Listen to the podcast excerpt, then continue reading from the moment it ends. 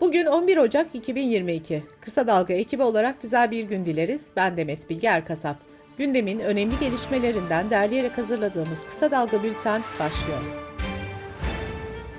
Cumhurbaşkanı Erdoğan yıl sonuna kadar 1 milyon öğrenciyi mesleki eğitim merkezlerine dahil ederek istihdamlarını sağlamayı hedeflediklerini söyledi. Erdoğan'ın açıklamasına göre mesleki eğitim merkezlerinde çırak ve öğrencilere asgari ücretin %30'u kadar, kalfa yeterliliğine sahip olan 12. sınıf öğrencilerine asgari ücretin yarısı kadar ödeme yapılacak. Erdoğan ayrıca bu ay sonuna kadar 15 bin öğretmen ataması daha yapılacağını belirtti.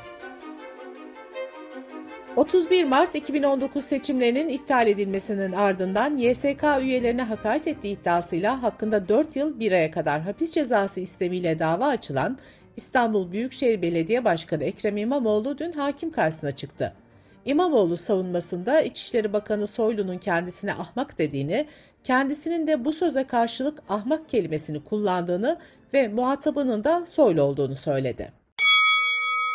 HDP Bahçeli Evler İl Örgütü binasına saldırı düzenleyen ve ev hapsi şartıyla serbest bırakılan Muhammed Eren Sütçü, savcılığın itirazı üzerine dün tutuklandı.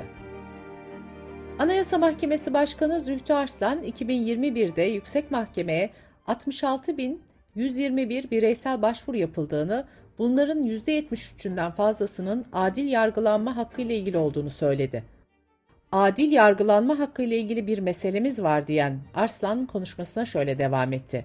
Adil yargılanma hakkının korunmadığı, ihlallerin önlenemediği bir ülkede hukuk devletinin tüm kurallarıyla korunması da mümkün değildir. Mimarlar Odası Ankara Şubesi Atatürk Orman Çiftliği'nin askeri alan olarak yapılaşmaya açılmasına ilişkin süreci yargıya taşımıştı. Ankara 4. İdare Mahkemesi söz konusu alanın askeri alan olarak yapılaşmaya açılmasına dair plan değişikliğini iptal etti. Eski Ankara Büyükşehir Belediye Başkanı Melih Gökçek, hastanede koronavirüs tedavisi gören Saadet Partisi lideri Temel Karamollaoğlu için Twitter'da "Geçmiş olsun, Covid olmuşsun, bak ölüm bir karış ötede" paylaşımı yaptı. Gökçek'in bu tweetine Saadet Partisi'nden tepkiler geldi. Saadet Partisi sözcüsü Birol Aydın, istifa ettirilmiş bir belediye başkanının nezaketten, insaftan ve insanlıktan uzak açıklamalarını milletimizin takdirine bırakıyoruz dedi. Milli Gazete Genel Yayın Yönetmeni Mustafa Kurdaş da parsel parsel zavallı ifadesini kullandığı bir tweet attı. Morçatı Kadın Sığınağı Vakfı 1 Ocak ile 31 Ağustos 2021 tarihleri arasında 1072 kadınla görüşülerek hazırlanan Türkiye'de erkek şiddetiyle mücadelede koordinasyona ilişkin izleme raporunu yayımladı. 604 kadının psikolojik, 439 kadının fiziksel, 210 kadının ekonomik, 124 kadının cinsel, 39 kadının dijital, 28 kadının ısrarlı takip ve 4 kadının da flört şiddetine maruz kaldığı ortaya çıktı. Rapora göre kadınların kollukla ilgili en sık bildirdikleri şikayet kötü uygulama ve eksik ya da yanlış bilgilendirme yapılması oldu. Bazı kadınlar ise kolluğa yaptıkları başvuruda hiçbir bilgilendirme yapılmadığını söyledi. 10 Ocak Çalışan Gazeteciler Günü nedeniyle Çağdaş Gazeteciler Derneği medya izleme raporu yayınladı. Buna göre bir yılda 219 gazeteci mesleklerinden dolayı çeşitli suçlamalarla yargılandı. 75 gazeteci darp edildi ve 32 gazeteci de gözaltına alındı. Radyo ve Televizyon Üst Kurulu 2021 yılında ulusal kanallara toplam 74 ceza kesti. Türkiye Gazeteciler Sendikası da neyi kutlayalım başlığıyla bir açıklama yaptı. TGS'nin açıklamasında şu ifadeler yer aldı.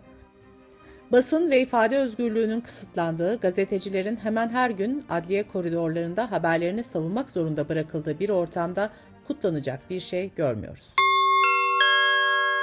Covid-19 gelişmeleriyle devam ediyoruz. Sağlık Bakanı Fahrettin Koca 25-31 Aralık haftasına ait koronavirüs vaka haritasını paylaştı. Haritaya göre İstanbul'da 100 bin kişide görülen vaka sayısı 663,69, Ankara'da 184,29 ve İzmir'de 323,30 oldu. Vaka yoğunluğu en çok artan 10 il ise şöyle sıralandı. Eskişehir, İstanbul, İzmir, Aydın, Çanakkale, Muğla, Kırklareli, Gümüşhane, Edirne ve Kocaeli. Türk Tabipleri Birliği Pandemi ve Okul Çalışma Grubu'ndan Doktor Tomris Cesuroğlu 5-11 yaş grubuna artık aşı hakkı tanınması gerektiğini belirtti. Cesuroğlu, gerekli önlemler alınmalı, okulların kapatılması gündeme bile gelmemeli dedi. İsrail Başbakanı Bennett, Covid-19'un omikron varyantının yayıldığı son dalgada nüfusun yaklaşık %40'ına karşılık gelen 2 ila 4 milyon arasında kişinin Covid-19'a yakalanabileceğini bildirdi. Sırada ekonomi haberleri var. Türkiye İstatistik Kurumu 2021 Kasım ayına ilişkin işsizlik rakamlarını açıkladı. Buna göre işsizlik Kasım'da %11,2 seviyesinde gerçekleşti. İşsiz sayısı 39 bin kişi artarak 3 milyon 777 bin kişiye çıktı. İşsizlik oranı Ekim ayında da %11,2 olarak gerçekleşmişti. Disk Araştırma Merkezi ise işsizlik oranının %22,1, işsiz sayısının ise 8 milyon 45 bin olduğunu açıkladı. Diskar'ın raporunda İşkur ve TÜİK verileri arasında izah edilemez fark olduğu vurgulandı. Emekli ve çalışanların zamlı maaşlarının yatırılacağı tarih netleşti. Memurlar, sözleşmeliler, geçici personel ve memur emeklileri zamlı maaş, aylık ve enflasyon farkını 15 Ocak'ta alacak. Memur emeklileri de ilave %2,5'luk zamdan yararlanacak. SSK emeklilerine zamlı maaşları 17-26 Ocak tarihleri arasında, Bağkur emeklilerine de 25-28 Ocak tarihleri arasında ödeme yapılacak.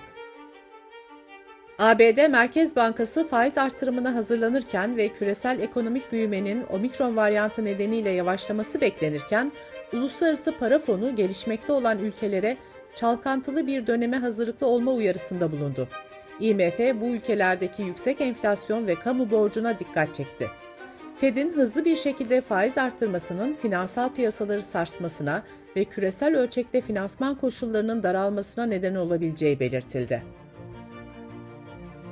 Aralık ayında banka ve kredi kartı harcamalarında 231,6 milyar lira ile rekor kırıldı. Hem TL'deki değer kaybı hem bozulan enflasyon beklentileri vatandaşların harcamalarını öne çekmesine ve ay boyu yaşanan zamlar nedeniyle daha fazla harcama yapmasına neden oldu. Yaz saati uygulamasının değiştirilip değiştirilmeyeceği sorusuna hükümetten yanıt geldi. 2016'da kaldırılan yaz-kış saati uygulaması ile ilgili olarak Enerji ve Tabi Kaynaklar Bakanı Fatih Dönmez, Cumhuriyet Halk Partisi Milletvekili Burak Erbay'ın soru önergesine yanıt verdi.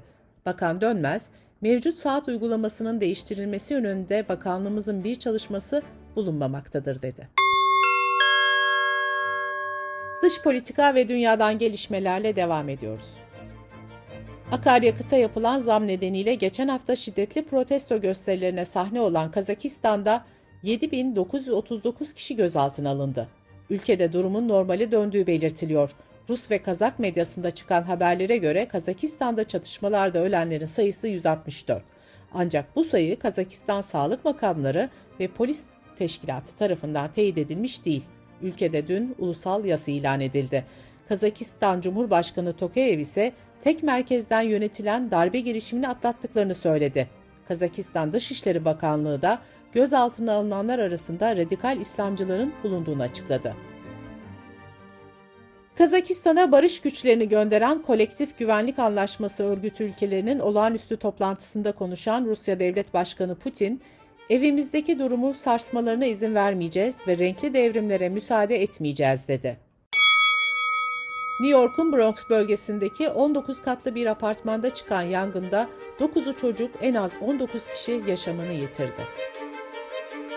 İsveç'te oturum izni bulunmadığı gerekçesiyle aranan 25 yaşındaki göçmen kadının İsveç Başbakanı Magdalena Andersson'ın evinde çalıştığı ortaya çıktı. Başbakan temizlik firmasını suçladı. Bültenimizi kısa dalgadan bir öneriyle bitiriyoruz. Rengin Arslan, E Nasıl programında pandemi şartlarında eğitim el alıyor. Kimi veliler kimsenin çocuğunu okulda zorla tutamazsınız diyor, kimilerine göre ise tedbirler alınarak okullar açık kalmalı. Rengin Arslan, pandemide eğitim tablosunu Amsterdam Üniversitesi Toplum Sağlığı Genobilim uzmanı Doktor Tomris Cesuroğlu ile konuşuyor. Kısa Dalga.net adresimizden ve podcast platformlarından dinleyebilirsiniz. Gözünüz kulağınız bizde olsun. Kısa Dalga Medya.